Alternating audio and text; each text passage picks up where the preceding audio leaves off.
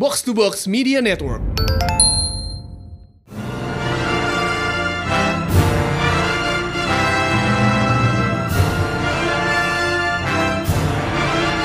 Welcome back to Pretelin Panel Show di mana kita bahas komik panel by panel bersama Mindan dan kali ini gue joined by Uh, Minran. Anjir. ya gue kasih temporary status for this one episode. Thank you for the honors. Ya. oh.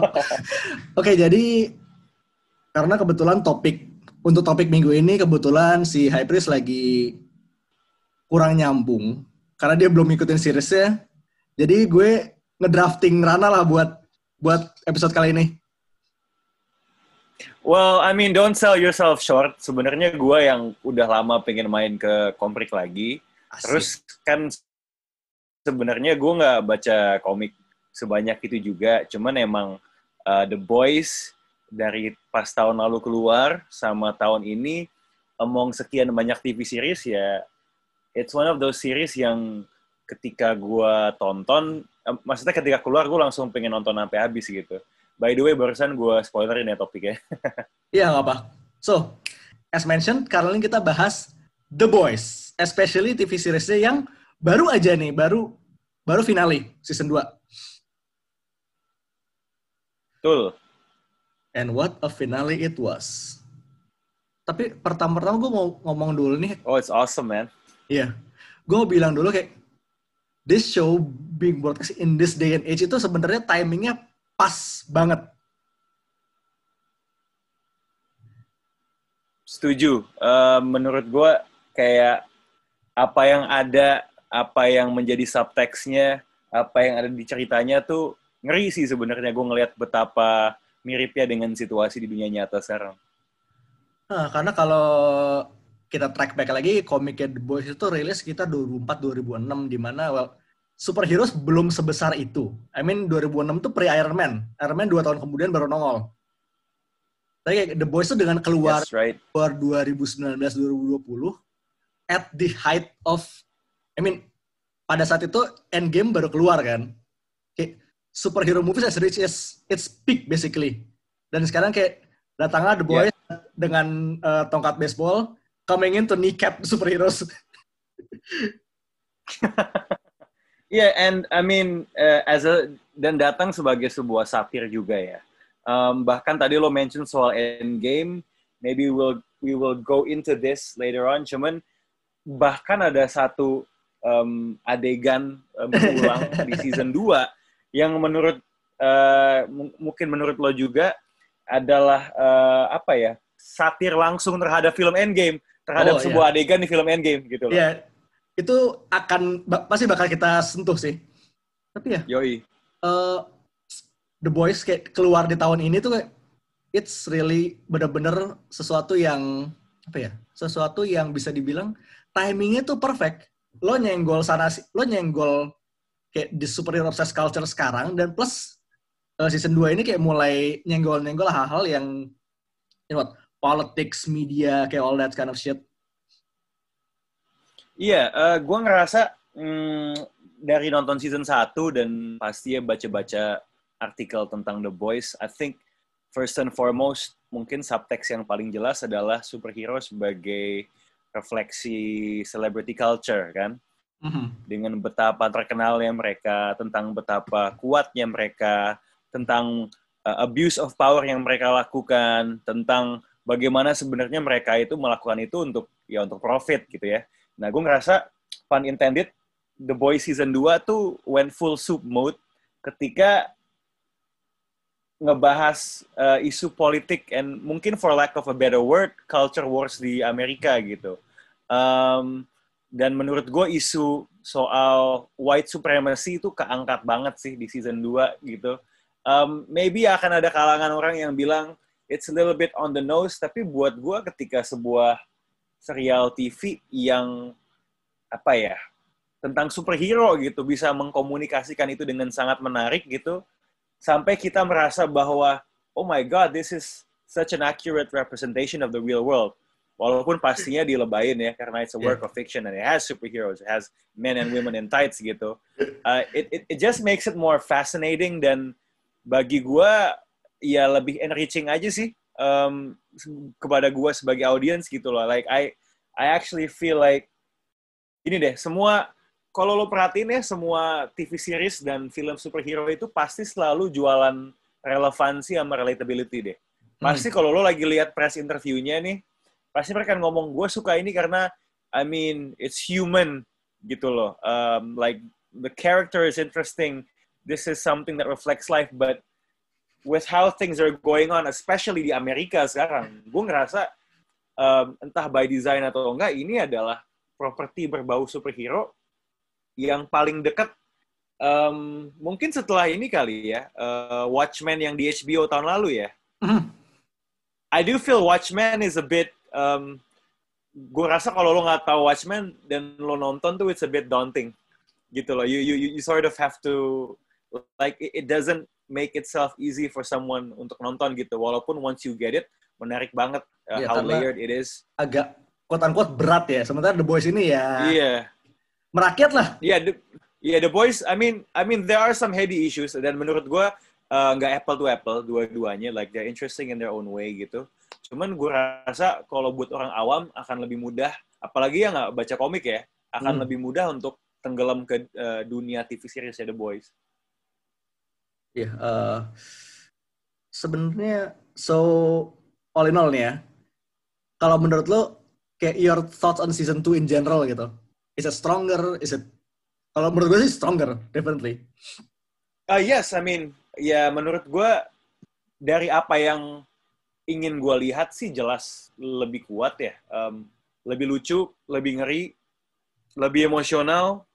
Um, dan kembali ke poin yang lo bilang soal timing gitu. Maksudnya gini deh, ini kan sekarang The Boys ini temanya sangat bersinggungan dengan politics kan.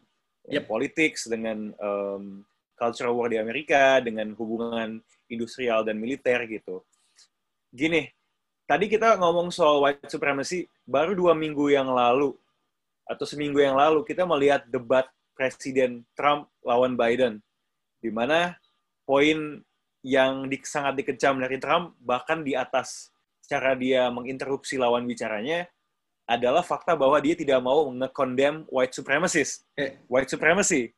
Itu Nah, bener-bener kayak Ini di depan mata gitu kayak dia point blank di konfront soal itu kan. Bener.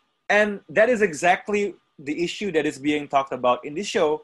So, emang bener-bener kayak yang lo bilang tadi, secara timing tuh emang bener-bener berjejer gitu loh. And that's what probably makes this show hit home gitu. Um, on the topic of white supremacy, mungkin nanti kita akan ngomong soal salah satu tokoh yang Iya. menjadi Oh, tokoh baru di season ini yang menjadi simbolisasi itu cuman bahkan ke small touches gitu ya eh, temen gue di box out si Tufel tuh kemarin nge-screen cap satu adegan yang bikin dia ngakak. Cuman shot di mana eh, kayaknya tuh ini ya eh, Mother Milk Uh-huh. Starlight sama Huey itu lagi di mobil entah ke mana terus lewatin sebuah barn. Di barn itu ada lukisan grafitinya eh, Homelander. Cuman jubahnya jadi bendera konfederasi. Gitu loh. Jadi I mean I mean it's it's it's it's there lah gitu. Kayak Homelander yang dimainkan dengan sangat karismatik dan brilian ya sama Anthony, Anthony Starr, Starr. itu like shout out to Anthony Starr. He that character tuh is bener-bener apa ya representasi dari the problem with America man. White America. Eh, ya just I think we're just gonna go into the performance kalian nih ya. Tapi Anthony Starr kayak boleh. season 1 2 itu kayak god damn kayak eh, dalam berapa tahun belakang kayak gue nggak bisa mikirnya eh, tokoh antagonis yang sebrengsek itu kayak he's super easy to hate kayak every does kayak napas aja bikin kesel. Tapi ya betul. lo nggak bisa you can't avert his eye- avert your eyes from kayak bener-bener tiap dia nongol di screen tuh kayak god damn this guy is so good. Yeah, and and what he does with his eyes too is just so scary because apalagi lo tahu kalau technically dia sosok super sosok Superman lah dalam artian makhluk terkuat di dunia itu.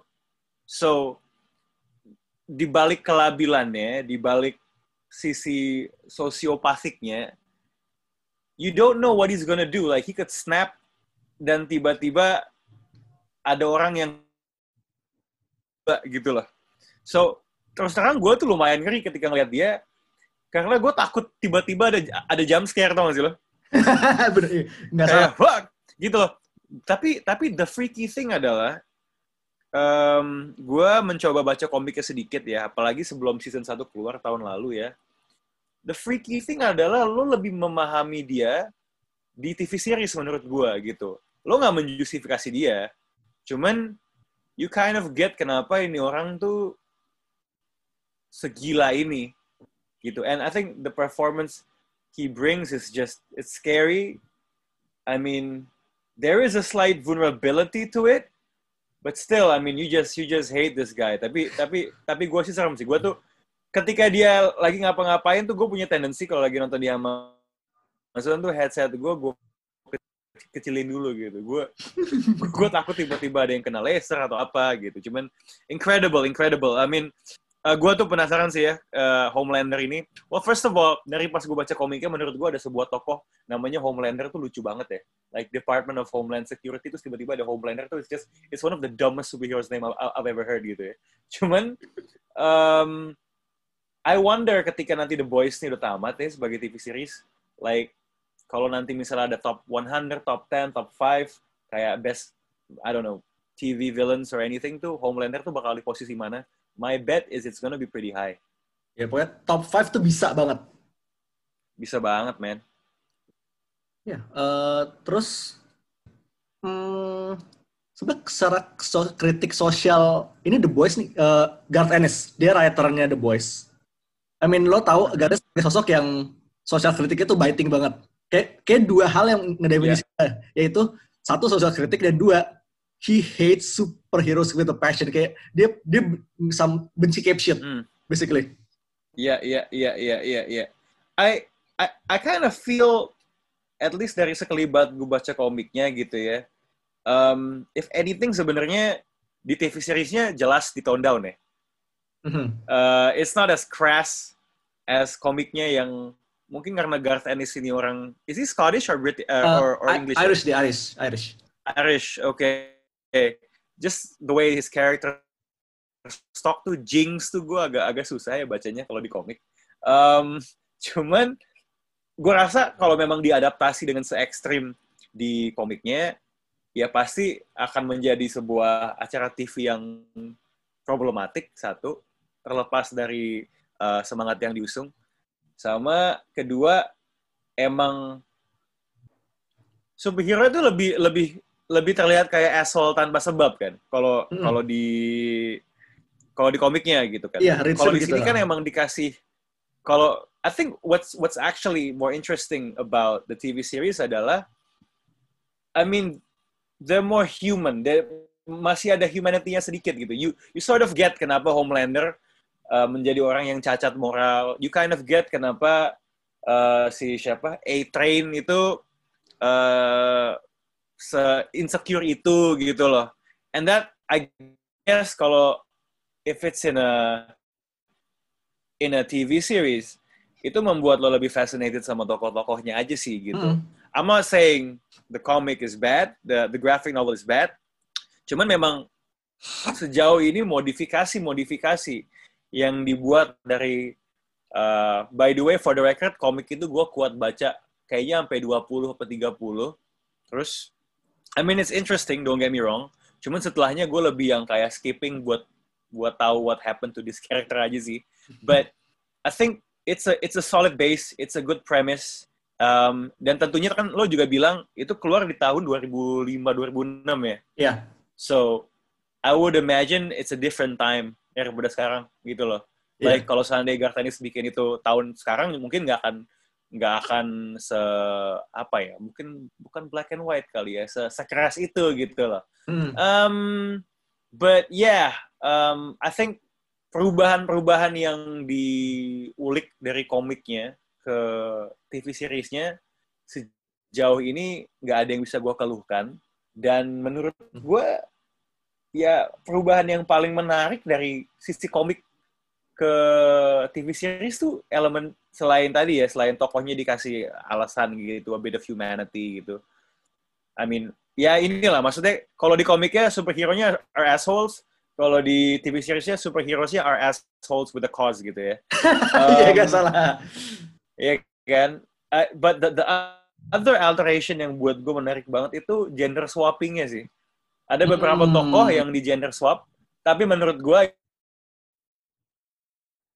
kayak sesuatu yang dipaksakan agar woke atau representatif enggak gitu, gitu loh. It, it it feels the the the changes they made itu make sense dan menurut gue dieksekusi dengan baik. Oh, speaking of gender swap, sebenarnya salah satu yang paling quote-unquote sukses ini adalah Stormfront kan? I think Yoi, Stormfront, Stormfront. Yo, so, so, buat yang belum buat yang belum tahu Stormfront itu namanya literally diambil dari sebuah far right website. Ya, betul. If that isn't subtle as a sledgehammer, I don't know what is. Makanya kan gue kalau kalau gue bilang ya mungkin kalau ada yang nggak suka sama subtextnya The Boys season 2, mungkin alasannya adalah oh ini terlalu crude, ini terlalu on the nose nih, kayak yang lo bilang tidak subtle sama sekali gitu. Tapi iya gitu, I mean itu menarik banget sih buat gue. Hmm, tapi dengan uh, show-nya ngubah Stormfront dari cewek tuh kayak lo bisa mainin angle of kayak oh yeah girl power. Should be has to be supported. Tuh kayak hmm. Hmm. you, you know, I mean kita mungkin bisa ngomong panjang tentang what The Boys is about gitu. Dan gue rasa lo juga udah baca tulisan showrunnernya Megar Anisnya ya, but mungkin kalau kalau kalau gue disuruh memaksakan agar semua temanya itu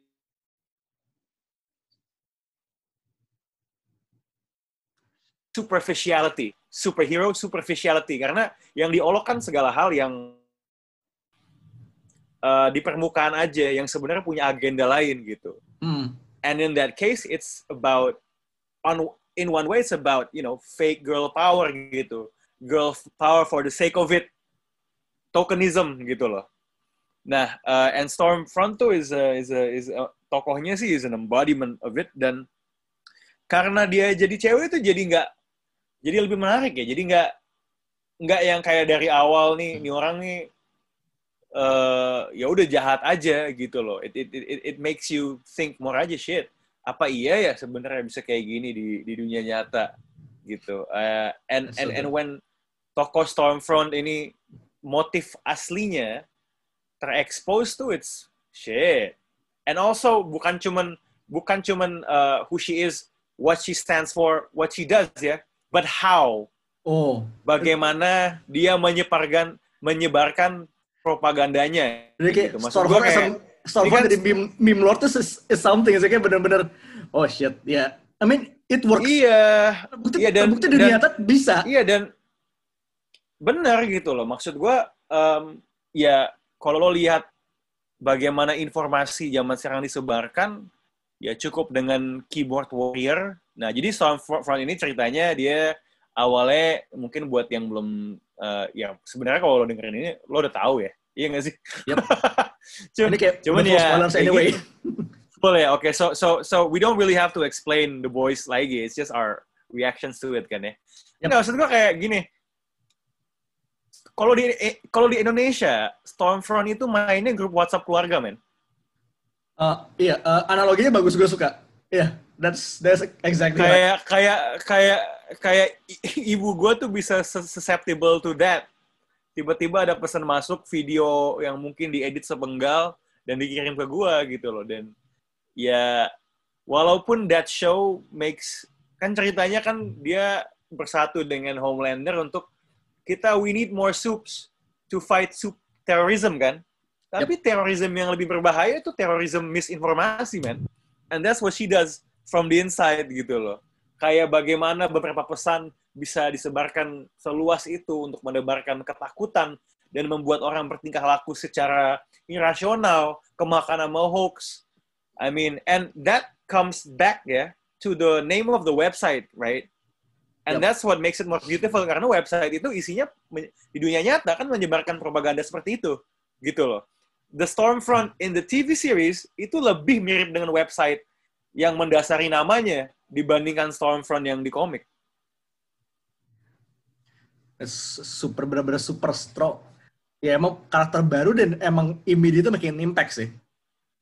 Like kudos Yeah man, and to Ayakash sih kayak bener-bener God damn bagus banget. so despicable kayak "Ugh." Bener, bener. Dan dan dan gue baca reaksi, like I was like searching on Twitter kan itu kayaknya saking terperanjatnya orang dengan dengan tokoh uh, Stormfront dan bagaimana si Ayakas me- memainkannya tuh banyak banget yang anjing ini actingnya bagus banget. Gue sampai benci beneran sama nih orang gitu kan. Um, dan dan dan yang kampret tuh awalnya tuh dia kayak dia tuh kelihatan kayak orang yang super radikal SJW gitu loh. Iya kan kayak Iya. edgy, kayak kayak mungkin kayak apa yang orang kanan di Amerika anggap itu antifa gitu loh. From from her hair, the way she talks, bagaimana dia tidak uh, mau kompromi, and then when she turns, gue tuh ngakak setengah mampus ketika dia ngomong for the culture, tau gak sih lo? Kayak Oh itu my sebuah istilah yang dipakai black people, ya, and now dia menggunakan itu dengan referring to the culture sebagai semangat Nazi, apa namanya Nazi uber alis gitu. Kayak itu tuh, wah tai sih itu pas gue denger itu gue ketawa gitu. Bahkan di finalenya, di finalenya waktu dia sama Homelander lagi mau ngajarin eh, si anaknya, eh lu bisa buat ngeluarin laser dari matanya kan, lu harus lu harus ini kan, apa namanya, eh lu harus eh, fokus ke sesuatu yang lo benci gitu kan. Nah, terus dipancing-pancing nggak bisa tuh si Ajax ngomong ke si anaknya, eh si Stormfront ngomong ke anaknya soal white genocide itu lucu banget anjing. Oh, kayak Eh, kayak dan, dan, dan abis dia ngomong white genocide, si si si Homelander kan kayak kayak agak bingung gitu kan kayak this bitch is crazy. Oke, lo you are official next level ketika Homelander aja eh, nganggap lo gila. Iya gitu. Waktu That extra, waktu that dia udah extra bit of irony ya. When you know I bener waktu dia udah ke wish. Oh, oh, juicy Oh banget. iya, oh iya, bener, bener, bener, bener, bener, bener, bener, bener, bener. A Jewish playing ini ya. Gue I actually didn't, didn't check that out. Dia, dia Yahudi deh. Iya. Oke, good. That, that's a good find. Inspired. Pantesan inspired dia mau. Pan, pantesan dia mau tuh pasti tuh ketika dia tahu tokohnya dan dia ya kontrolnya itu dia pasti ngerasa itu eh, tokoh yang sangat juicy banget ya. Oke, eh performance. Sekarang kayak gue pengen get down to, uh, you know what, like the things that, the things that stand out. Kayak gue mau denger your top three moments dari season 2 nih. Top top three moments. Yep. Eh, ini ini harus agak susah buat gua eh, susun jadi urutan Ya, karena not in order, kayak bebas aja. gua bebas aja. momen-momennya itu ber ya I think in the finale ngelihat si Stormfront di diinjak-injak sama eh tokonya Kimiko Fukuhara siapa namanya? Eh, Eh, tokonya Karen Fukuhara siapa namanya? Kimiko namanya, memang Kimiko. Ya ya ya ya ya. Gua memang manggilnya Kimiko Fukuhara. Oke, ng- ngelihat Kimiko Maeve sama apa Starlight namanya ya. Maeve sama Starlight nginjek-nginjek Stormfront dan itu kan adegan yang di komiknya eh, cowok kan. Jadi diganti jadi cewek semua gitu.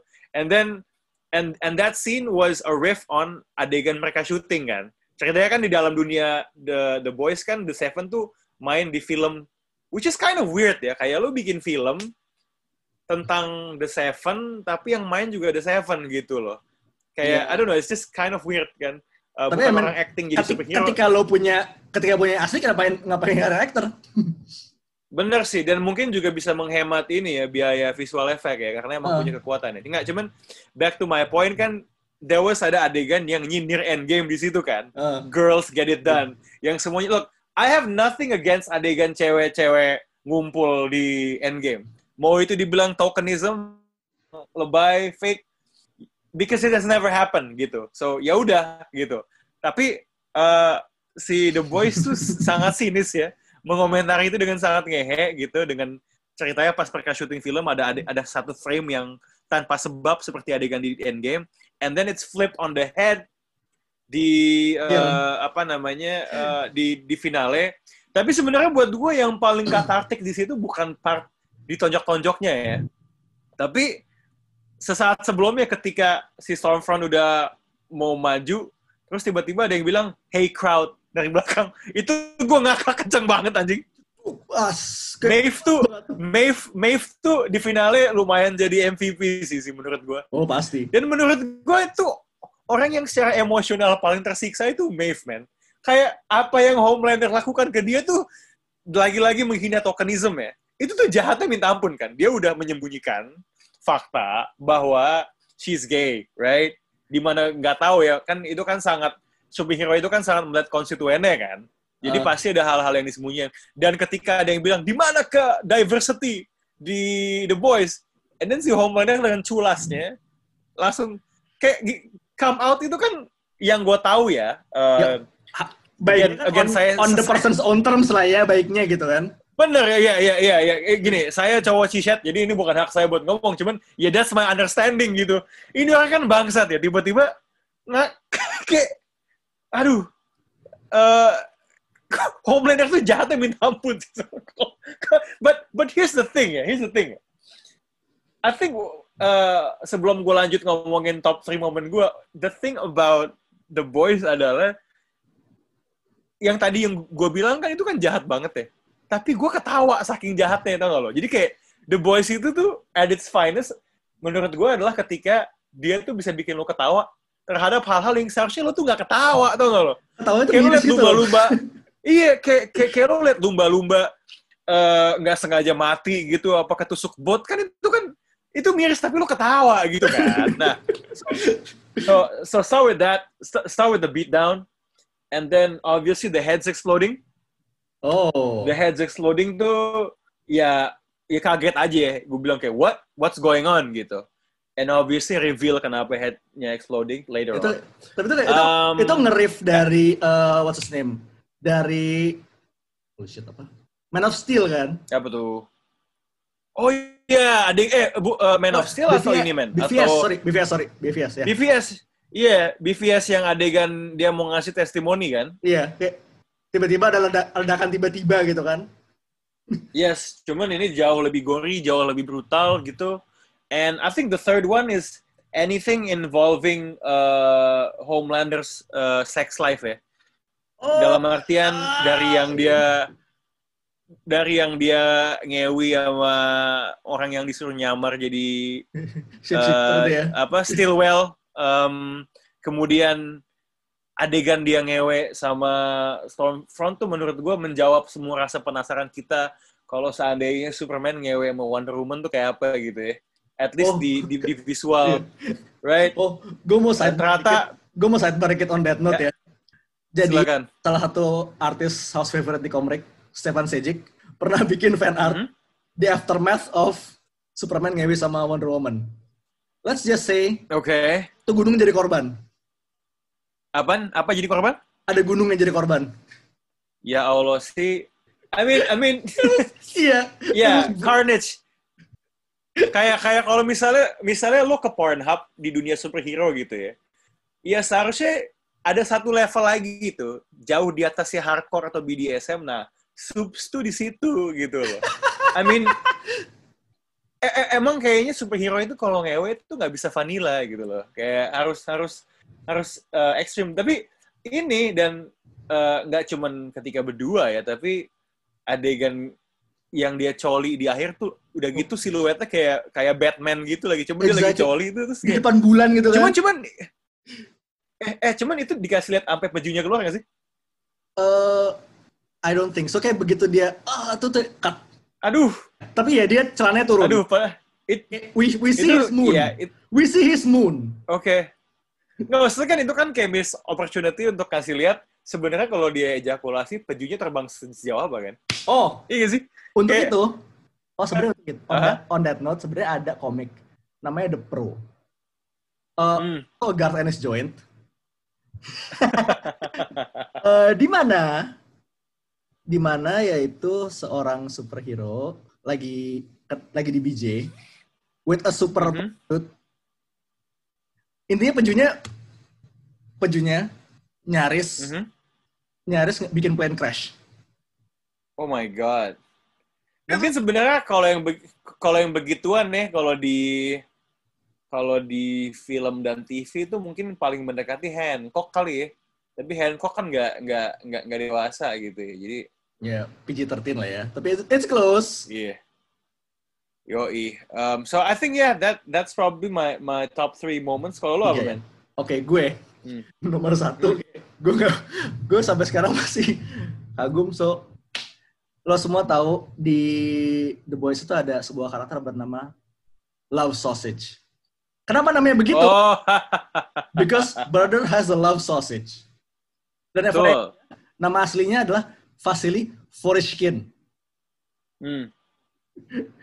Tapi di sini tuh bener-bener played up to eleven karena itu bisa dia prehensile aja gue main mati ini ngeliatnya.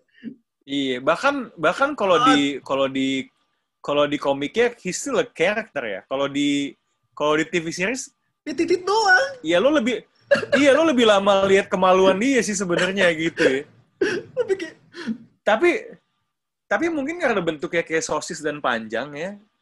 Jadinya secara apa ya? Enggak enggak terlalu lebih kayak lo tahu itu titit gitu loh. Bukan kayak ketika kan itu kan menjulur jadi kayak tentakel gitu kan. uh Jadi ya sebenarnya menurut gue kalau itu masuk TV Indo juga nggak akan disensor karena menurut gue orang nggak akan nah kalau kalau itu titit sih sebenarnya. ini tuh energinya Cuman ya it's eh, energi eh, satu karakter kena masalah besar dengan let's say unmentionable body parts-nya energinya sama kayak di salah satu episode Ash vs Evil Dead tuh dia sempat kepala dia sempat masuk pantat kadaver itu kayak sama energinya. hmm, so brilliant. Itu nomor satu ya bener-bener. Begitu lihat kayak, hmm, you know shenanigans are going down. Begitu dia kayak begitu, udah kelihatan sulap sosis di kamera tuh kayak, hmm, you know shit's going down. Cuma kalau di komiknya dia nggak nggak nggak nggak terlalu titit based kan? Like enggak. a Itu kayak super doang. Cuma dia cuma Iya iya iya. Gendut gitu kan? Orang Rusia itu kan? Heeh. Hmm oke oke oke. Iya. good. Eh, Iya ini ya. A- a- Ini apa eh, adegan itu menunjukkan bahwa choking someone with a dick doesn't always mean putting the dick inside the mouth, man. Iya, Eh, iya itu terlalu literal. anyway, nomor dua, nomor dua, nomor dua, nomor dua, nomor dua. I think it's got to be uh, apa namanya? Eh, the requisite penyiksaan biota laut di season yang wajib tiap season. Ini kayak udah oh di- iya. udah diliatin di trailer. Kayak kita udah tahu itu Ya ya. jadi kayak beberapa minggu sebelum show-nya mulai Mhm. shoot kayak begitu lihat in konteks kayak oh my god kayak, I know I should Tetap lucu. I know I should Tetap lucu. kayak oh shit Uh, mati banget gue soalnya nanti kayak and the fact kayak dia the whole team bikin satu set buat itu kayak effort man effort Iya, effort untuk sebuah what essentially is a big joke gitu ya. iya gue mau Si nyala satu-satunya orang efek gitu loh si The Deep itu itu orang nas naas banget sih hidupnya sih. Apa kali ini kan di di season ini dia diasingkan terus dia jat dia kan udah ke Sandusky Ohio kan terus Hmm. hidupnya jatuh terus dia gabung sebuah gereja yang kayak Scientology gitu ya Iya, a thinly veiled parody of Scientology basically. yang yang selalu menawarkan minuman ini kan di Warna Fresca. Fresca. Oh god. Oke, itu dua. Tiga, kayak mungkin ini kayak mungkin momen salah satu momen kayak pure horror yang gue kayak mau ketawa juga susah adalah waktu si eh Stormford kejar-kejaran sama Kimiko sama adenya di apartemen kompleks itu. Oh my god, ya. gini ke ini gue sempet ngomong juga ada scene di mana lo nggak bisa lihat apa yang sebenarnya terjadi itu kayak is the worst karena otak lo immediately isi fill in the blanks dengan hal terburuk yang bisa lo pikirkan ya nggak Iya betul. Dan kayak yang lo liatin kayak setelah mereka keluar dari apartemen pertama itu cuma gedungnya kayak Mhm. atau kayak jedar, jedar, jedar kayak lo nggak tahu Hmm. terjadi di dalamnya, lo cuma tahu awalnya gimana dan aftermath-nya gimana. And it's dis- Mhm. Nah, kayak lo cuma bisa bayangin apa yang terjadi dalam situ. Like, honestly, Dan apa namanya? gitu. And and that's right before si Stormfront tuh showing her true colors kan.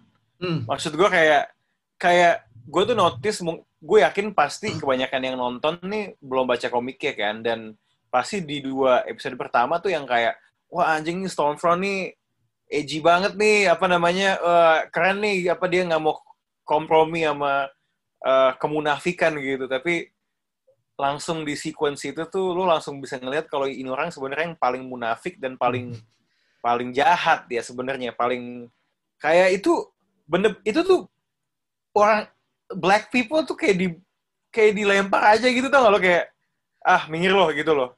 Kayak di di situ tuh unsettlingnya selain karena lo nggak lihat adalah karena di saat itu kan lo mikir ini apalagi kalau lo nggak tahu agenda Stormfront ya ini kenapa orang blacknya dia yang lagi di cuma ngalangin jalan lagi apa dibunuh kayak gitu ya? And then and then pa- part yang menurut gue sebenarnya a little bit disturbing ya gue nggak tahu apakah uh, I mean this is in, in the context of the character kan ketika dia ngebunuh eh itu apa sih kakak atau ap- apanya si Kayak Kimiko si? Kenji ya. Ya kayak gitu apa sih? Gue lupa kakak Pak Ade soalnya. Ya cuman yang dia bilang yellow tuh apa? Oh, yellow itu, bastard Bang. tuh. Itu pasti. Oh, Ini what? What? Itu nggak- fix banget kan. Wow. Udah gitu si Stormfront tuh kelihatan kayak orang yang menikmati. eh Like to see the light go out. Ngebunuh orang. Iya, like like she did it again di di di season finale ini kan. Yep. So okay, um, I Itu guess ini kali ya. Iya. Eh, kenapa? To lighten the mood. Eh, selain gue bakal ngasih satu Mhm. momen lagi. Di mana Huey sama Mhm. Starlight nyanyi Billy Joel di nyanyi bisa We Didn't Start the Fire di mobil kayak ah itu wholesome oh, selera jadul. setelah jadul setelah bawa bapak deh Hmm. Si tapi satu hal juga yang gua yang Hmm. gue rasain ya, em, pukulan emosionalnya itu juga lebih ada di season ini sih, apalagi di finalenya gitu. I really felt for Billy the Butcher, um, what he had to face kayak kan kalau di komiknya bininya tuh udah mati kan. ya udah ah. Nah, perubahan yang dilakukan di ending season 1 bahwa ternyata bininya masih hidup tapi punya anak haram sama si Homelander itu kan itu menurut gue secara emosional udah bikin si Billy the Butcher nih gonjang-ganjing abis lah. Like to a certain extent it's probably worse than death. Ya and now di ending season ini Billy tuh I mean from the start dari awalnya udah udah agak-agak unstable. Lo goyahin dia bener. oh, BK hidup. BK hidup ternyata punya anak Hmm, Commander dan apa yang terjadi di season ya. ini, ini udah udah goyah banget sih pak pasti Iya, waduh, itu and, and Carl Urban actingnya bagus banget pas pas pas sedih. Kayak, I mean you really feel man for Billy. I mean it's what happened to him tuh lebih mengenaskan daripada di komiknya sih. karena juga si Bi- Billy kan I mean lo nine times out of ten lo ngelihat Billy itu marah moodnya masih Iya. kayak begitu lihat di sini kayak jir langsung nyes Eh, eh tapi ya eh, speaking of moments ya tadi gue lupa. Aha, gue nggak seneng apa. banget yang yang yang dia mau misah sama si Ryan sama si anaknya. Eh Ryan kan namanya? Ryan lupa gue ya Em, terus kayak eh, dia kayak apa nanya ap- jangan lupa mesti apa gitu kan terus si Ryan bilang don't be a cunt itu gue gue ngakak kenceng, kenceng banget kan kayak it, it it is the sweetest use of the word cunt I've heard gue lebih suka don't be a cunt. Gue lebih suka don't be a cunt daripada I love you 3000 definitely. Ini lebih strong. Lo kayak lo nggak jauh man. Kayak- iya. lu lihatnya si Billy itu cuma ketemu Ryan mungkin kayak se- sehari se- paling kayak pagi pagi nyelamatin dia sorenya dibawa sama Mallory kan? Ini kayak yes. udah diajarin aja begituan. Yoi. Sambil jongkok di sungai gitu. Ya, it's, it's, it's okay. Kasihan tuh anak. So, sekarang kita memelihatkan mengarahkan pandangan ke depan sedikit. Season 3 di Greenlight sebelum season 2 tayang. pede And so far udah ada di cast si Jason Ackles dari Soldier Boy ya. oh, ini sahabat supernatural ya Ya, sobat supernatural. Sebenarnya it's extra funny karena Ackles itu dulu sempat dikonsider jadi untuk di cast sebagai Steve Cap Rogers. ya? Heeh. Sekarang dia di cast sebagai parodinya Cap.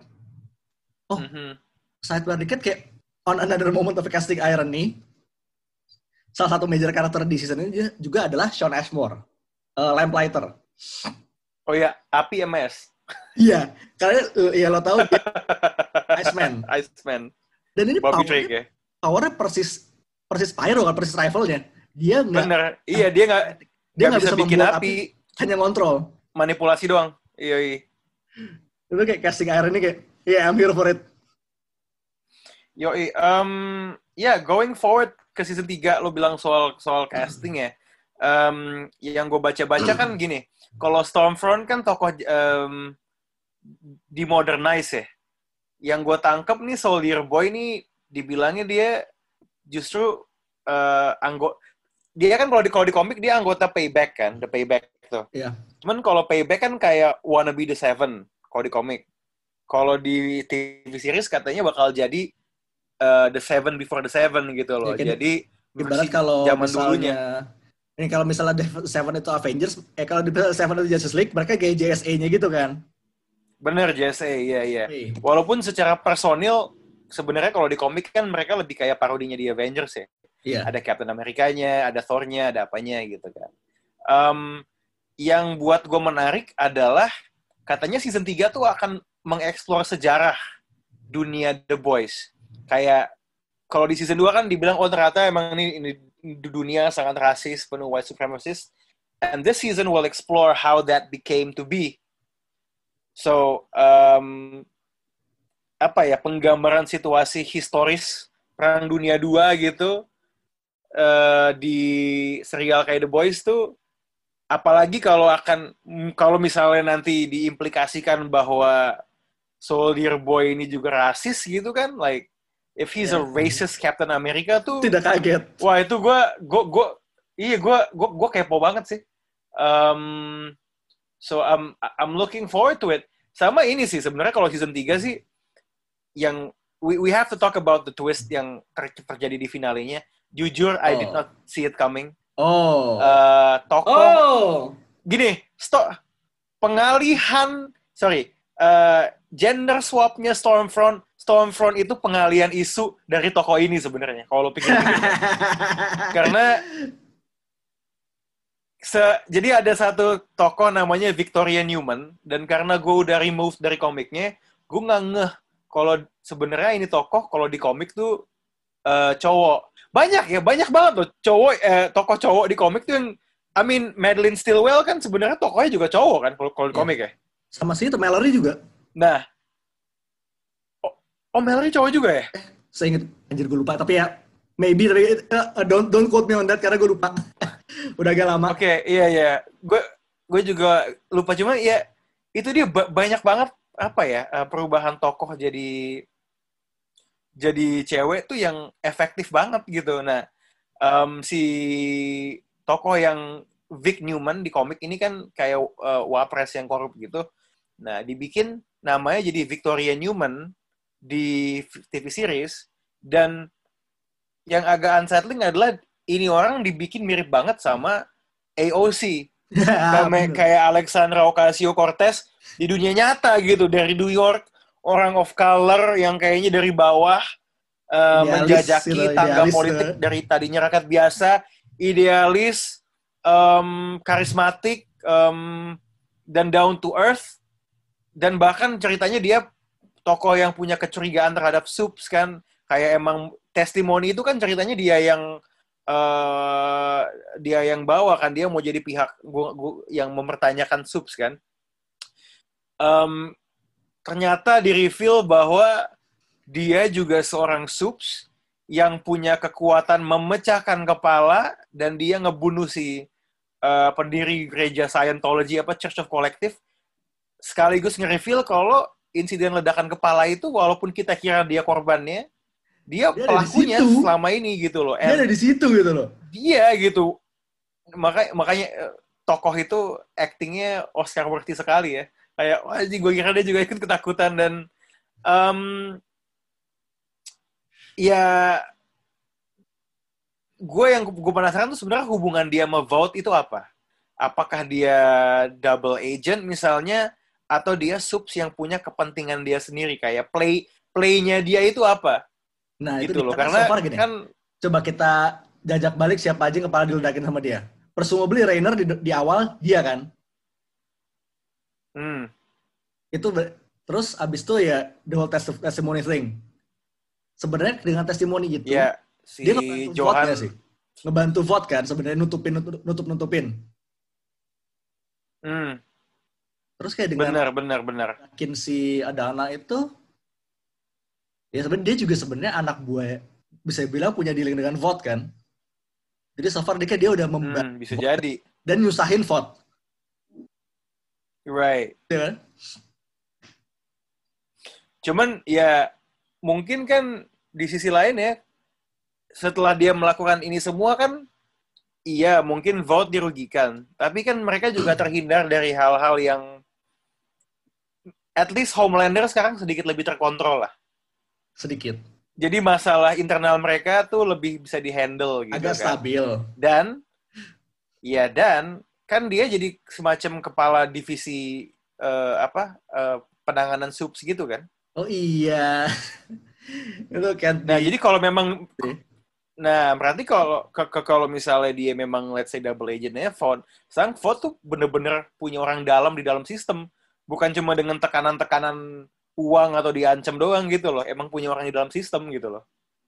atau ya alternatively sebenarnya dia dengan punya eh, jadi orang departemen subs ini ya dia bisa beragenda sendiri lagi lepas dari vote. Bisa jadi, bisa jadi, bisa jadi. Only one way to Makanya, find out sih. Again, iya we gotta watch it next season gitu. Tapi, eh, but, but I wanna see how how they handle it deh, karena gue nggak tahu. Gue termasuk orang yang mengagumi AOC gitu dan ya ya cara dia di, walau gue ngerti ini ini karya fiksi gitu kan. Cuma kan orang tuh terkadang suka ngeliat oh dia radical left gitu kan. Cuma kan radical left tuh does not mean popping heads. Kayak level extremity-nya beda sama lo alt-right. Iya kan? So, gue pengen tahu how they deal with this character. Karena menurut gue ini lebih tricky di handle daripada seorang Nazi alt-right Ya udah obviously bad lah ya. cewek. Iya, iya. Gitu kayak, kalau ini tuh gimana nih? Mengetahui motif dia nih, sementara ini buat gue adalah pertanyaan terbesar season 3 sih. Hmm. Dan eh Huey sekarang mau jadi anak buah dia kan? Yep. Tapi sebenarnya Hu- Hu- Huey ini emang polos emang. Emang polos sangat terlalu polos, terlalu polos. Iya. For By the way sebenarnya Iya, gua kalau ada satu kelemahan ya, I, I don't think it's a weakness, cuman sebagai audiens, gue punya tendensi buat buat nge-fast forward pas lagi nonton, ketika lagi adegan-adegan Huey sama Starlight, kayak ah, oke cepetan, oke oke, like udah, I wanna see Homelander, apa, I wanna see dia bacar gitu. Ya Cuman, bucin-bucinan I mean, lah ya. iya, Bener, bucin. Iya, tapi uh, on the other side, Butcher and his boys ya sekarang udah jadi officially CIA sanction apa apa? ke sana, OTW CIA sanction kan. Oh iya iya benar-benar sudah legal mereka, sudah tidak harus hidup dalam pengasingan lagi. Tinggal di bawah flop pawn shop. Itu eh, porn shop ya sekarang ya. Pawn shop ya di Flatbush. Mereka tuh sem Oke. Kalau di kalau kalau di komik tuh ada toko ada toko komik ya? Iya nggak sih? Iya, di toko komik itu kan si si The Legend itu. Iya iya. Hmm. Oh sama ini ya, selain sequel juga mau ada spin-off-nya kan? Oh ya? Iya, eh, based on ini eh, di komik tuh kan ada ada namanya G-Man tau nggak? Iya. Jadi kayak parodinya X-Men, di mana si Oh. Profesor X itu kayak pedofil gitu kan. Nah ini dia mau bikin spin-off based on G-Man. Jadi Oh, emang settingannya God. college. like Oh god, like that's superhero gonna, college. that's gonna go so well. I love it. iya makanya kan kayak lu bayangin aja semua kenakalan eh, film-film college tapi ya dengan kebrutalan dan ceritanya kampus ini punyanya Ford. Oh, bangsat nih, Ford. Yes. Iya makanya Ford ini sebenarnya kalau di sini tuh kayak kayak Lipo men punya sekolah juga kan punya UPH. Anjir. Iya juga sih. Tidak salah. demi demi CSR gitu sekali ya. Gitu. Kalau punya fintech kami namanya juga kalau punya fintech pendidikan. namanya OVOD ya. Nah itu dia betul. Ford. Bangsat. Oke, eh, sebenarnya yang gue pengen di season 3 adalah ada appearance seukuran Love Sausage aja buat Tech Knight. Because of reasons. Oh my God, Tech Knight. Oke, I- iya ya, Iya. saya saya mengerti. Iya. Eh, Eh, Tech Knight itu kan kayak, ya Batman silakan silakan. The Batman of Ya, the universe kurang lebih. iya dia, iya dia Kurang ya. Batman campur Iron Man yang suka lubang kan? Yap, sangat suka lubang. Eh, Aduh itu, biar lo mau biar lo bisa lebih mengenal Tech Knight dan obsession terhadap lubangnya, lo bisa ngecek episode kita ngebahas The Boys kayak pas kurang lebih ya berarti tahun lalu deket-deket seriesnya keluar kayak gue High Priest Mindum ngebahas The Boys komik ya. Ada di Tour Tech Knight juga. Because lubang. si Ernest Boys. si si si Tech Knight tuh, aduh it's so wrong ya. It, it- look, it's- zaman sekarang tuh ketawa tentang ini tuh agak salah, tapi kan dia kayak selalu kayak nafsunya tuh nggak nggak kuat ngelihat. You know, there's always this joke about Robin being gay gitu kan. Gua gua nggak tahu ya kalau di circle pembaca komik like how it is like with the stuff he wears, his tights, Iya. right? I mean, yeah, like itu ya, itu kan kayak dicengin maybe no. Iya, iya, itu kan dicengin habis-habisan kan di The Boys tuh. Kayak si, aduh, Tech Knight tuh kayak selalu nggak kuat gitu kan ngelihat baju-baju ketatnya itu. Itu tuh sampai sampai lubang eh, telinga Butler sendiri diewe kan. Yep. Ini gila emang Tech Knight.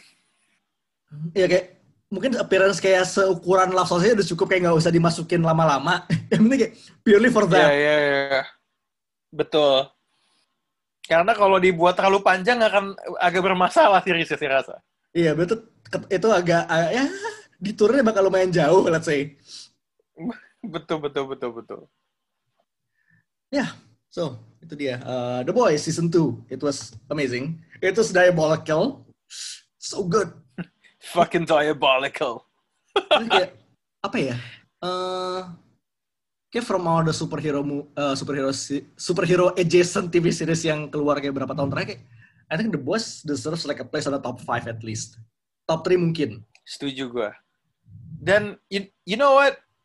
Gue nggak tahu sudut pandang lo terhadap ini ya dan ya tapi em, kayaknya kalau ngomongin superhero di film sama TV ya, pasti tuh ada sekumpulan orang tuh yang selalu yang like, udah pokoknya kalau politik itu tuh paling bagus tuh, oh, paling deep itu Dark Knight Rises tau gak? Dark Knight gitu kan. Ah, Pasti pasti ada fanboy yang kayak gitu. ada. Yakin ada, fix ada. Iya, kalau kalau menurut gua ya, ini again bagus enggaknya subjektif and what I'm saying is also subjektif. Tapi when we talk about subtext uh, politik ya, menurut gua Black Panther, Watchmen, sama The Boys itu jauh lebih menarik sama jauh lebih relevan daripada Dark Knight loh. Oh iya sih. And Watchmen is Dark Knight tuh Dark Knight itu pada akhirnya tuh kayak pembelaan orang kaya men sebenarnya. Yang Rises. Iya juga sih. Ya kayak kayak kayak coba lo bayangin ya. Ini this is not a slide. Maksud gua ya again this is dunia fiksi kan. Sama whatever stances the characters taken sebenarnya bukan berarti itu argumentasi dari pembuatnya. Cuman think about it ya. Di Indonesia ini kan orang lagi demo soal omnibus law kan. Mhm. Ada ada eh, oh undang-undang ini menguntungkan pengusaha terus ada kerusuhan gitu ya. Kira-kira di dalam situasi ini Bane mihak siapa, Batman mihak siapa?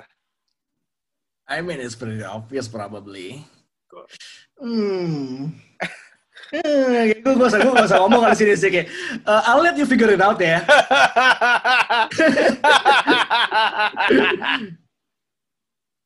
Ya, eh, ya, um, The Boys kayak ini kayak salah satu adaptasi yang improving pretty pretty highly on source material gitu loh. Right, right, right. Karena ya bener sih yang diambil tuh memang eh esensnya aja. You know, what what what the what the series tries to criticize and Nah, yeah, dia I think it Dia also tuh- helps bahwa Dia tuh ngurang dia tuh ngurangin edge yang edge di fisiknya tapi mempertajam edge yang di cerebralnya. Itu yang gue suka. Hmm, ya betul betul betul betul betul. And I think that's that's what makes the uh, series lebih rich. Ya, I mean obviously hal-hal yang terlalu edge secara fisik ya nggak bisa lo masukin. So how do you compensate, right? Tapi I really feel uh, adaptasi ini akan membuat lo mengira kalau komiknya dibuat tahun tahun ini, bukan tahun 2005 gitu. Kalau lo nggak tahu. No. Because memang isunya tuh memang benar-benar dimajuin ke zaman sekarang gitu loh. Ya, and kayak sebenarnya the ability to go kayak adjust with the times itu sebenarnya sesuatu yang sebenarnya dibutuhkan buat adaptasi gini sih. Sama kayak Mhm. gue balik lagi ke Watchmen kan. Ya. Tapi maksudnya seriusnya kayak mereka tuh ngangkat social issues yang actually ada pada saat tayangnya gitu loh. Iya iya benar benar benar benar. I mean that, that extra bit of relevance itu sebenarnya yang bikin uh, kedua series ini lebih stand out. True true true. Um yeah and you know um sebenarnya they kind of talk on similar issues ya. I mean racism. Iya. Itu sebenarnya kayak salah satu elemennya tapi kayak I mean The Boys kayak lu punya topiknya lebih lebih ke again a critic on superhero culture lagi-lagi kan. Mhm mhm. Ya itu dia. I think again uh, what was originally oke ini kayaknya superhero sebagai celebrity itu sekarang berkembang jadi uh, politics and the culture wars tuh itu yang sebenarnya bikin lebih resonate and uh, it's gonna be dugaan gue di season 3 pasti akan lebih dalam lagi mengupas itu karena lumayan ke sejarah. And I think dengan salah satu tokoh utamanya bener-bener orang politik gitu ya di Amerika si Victoria Newman it's gonna be way more political pasti. Uh, dan sebenarnya the brilliance adalah lo bisa nonton ini sebagai superhero kritik, lo bisa nontonnya sebagai uh, a social critic in general. Lo bisa nonton kayak ber- dalam berbagai level gitu, kayak bisa dinikmati berbagai Iya, iya layered layered. Poin, ha. Iya, iya. Uh, and also ini ya kritik media ya, how it operates ya. exactly. gue gue tuh sempet take ini kan uh, podcast cukup menarik sama Pange tuh sempet ngomongin anak komunikasi gitu. Gue kecewa sih kalau ada anak komunikasi nggak nonton ini oh, itu kayaknya karena bagaimana superhero superhero bener bagaimana superhero ini didaya gunakan kan benar-benar seperti industri media, industri hiburan, industri komunikasi gitu like you would learn a lot about and this is why it's rich. You would learn a lot about how things are in the real world from watching this series with superheroes gitu loh. Bener. Kayak kayak kayak orang tuh nah ini ini gue kembalikan ke glorifikasi Dark Knight ya. Orang tuh selalu ngeliat kayak oh iya dia superhero soal, eh, paling bagus soalnya dia real gitu. Kata siapa? Untuk tahu tentang dunia nyata, lo harus nonton film superhero-nya tuh harus oh dia sebenarnya manusia dia real enggak. Yang penting isunya berhubungan dengan real world issues.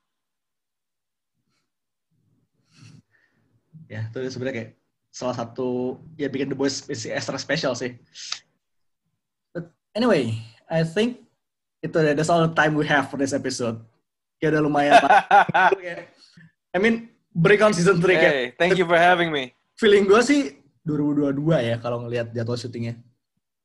Tapi ya, Hmm, iya iya, apalagi Just dengan wait. pandemi. anyway, uh, thank you banget Ran udah mampir. Jangan sungkan-sungkan kalau Hey, appreciate. mampir lagi. Yes sir, gue tuh kurang kurang banyak teman buat ngobrol beginian, jadi gue harus ke tempat yang memang legit, man. Like, guys, buat yang nggak dengerin komrik, eh, kalau dengerin komrik pertama kali di episode ini, please continue to listen to it karena menurut gue podcast yang emang isinya emang fanboy, fangirl, fan whatever yang emang beneran ngulik sama suka sama apa yang mereka omongin tuh ini gitu. It's not for the place or for the for the apa fame or anything man. Uh, they just do it for the culture man. Ya, emang karena ya, sebenarnya emang gini, podcast ini di, asalnya adalah dibikin untuk tempat kita ngalor ngidul tentang komik yang I mean, and that's what we've been doing Uh, two years ya. Udah, yeah. pengen kita we want to share what we love to all of you, hoping that Yo, uh, bisa ikut seneng apa yang kita seneng gitu kan. Iya iya iya iya. Tapi eh, you know what? Just wanna add a little bit ya. Um, kalau gue lagi baca respons misalnya buat otaku box ya, gue nggak terlalu care sama jumlah plays-nya, tapi the biggest compliment for me is not ketika ada yang bilang kayak podcastnya bagus atau seru gitu, itu ya udah selalu gitu. Cuman kayak ketika ada yang bilang misalnya dia mulai baca komik ini atau atau nonton anime ini gitu kan, gue nggak tahu ya. I think I think with you guys juga sama kali ya. I Like, mean, we've had don't you like ya, kayak, itu seneng, itu bikin seneng loh, bikin fuzzy. Iya kan kayak ya wala- wa- walaupun lu mungkin nggak temen di dunia nyata, you like oh saya gue punya temen juga nih yang sama-sama baca ini gitu loh. Ya, we have kindred spirits lah. Yo uh, yo uh. Anyway, thank you for Yeah. having me. Kalau ada Yeah. yang gue nyambung lagi, uh, unfortunately gue nggak- nggak baca komik sebanyak itu. Nanti gue minta izin buat gabung-gabung lagi. You know, you, you have a standing invitation sih, kapan pun lo mau, kabarin aja. I'd, I'd appreciate it, man. Okay, so yeah, we will be seeing you next week when Spooktober keeps rolling on. Karena it's still October, baby. Spooky. Okay, so for now, this is Mindan and uh, the honorary Minran signing off. See ya. Yo.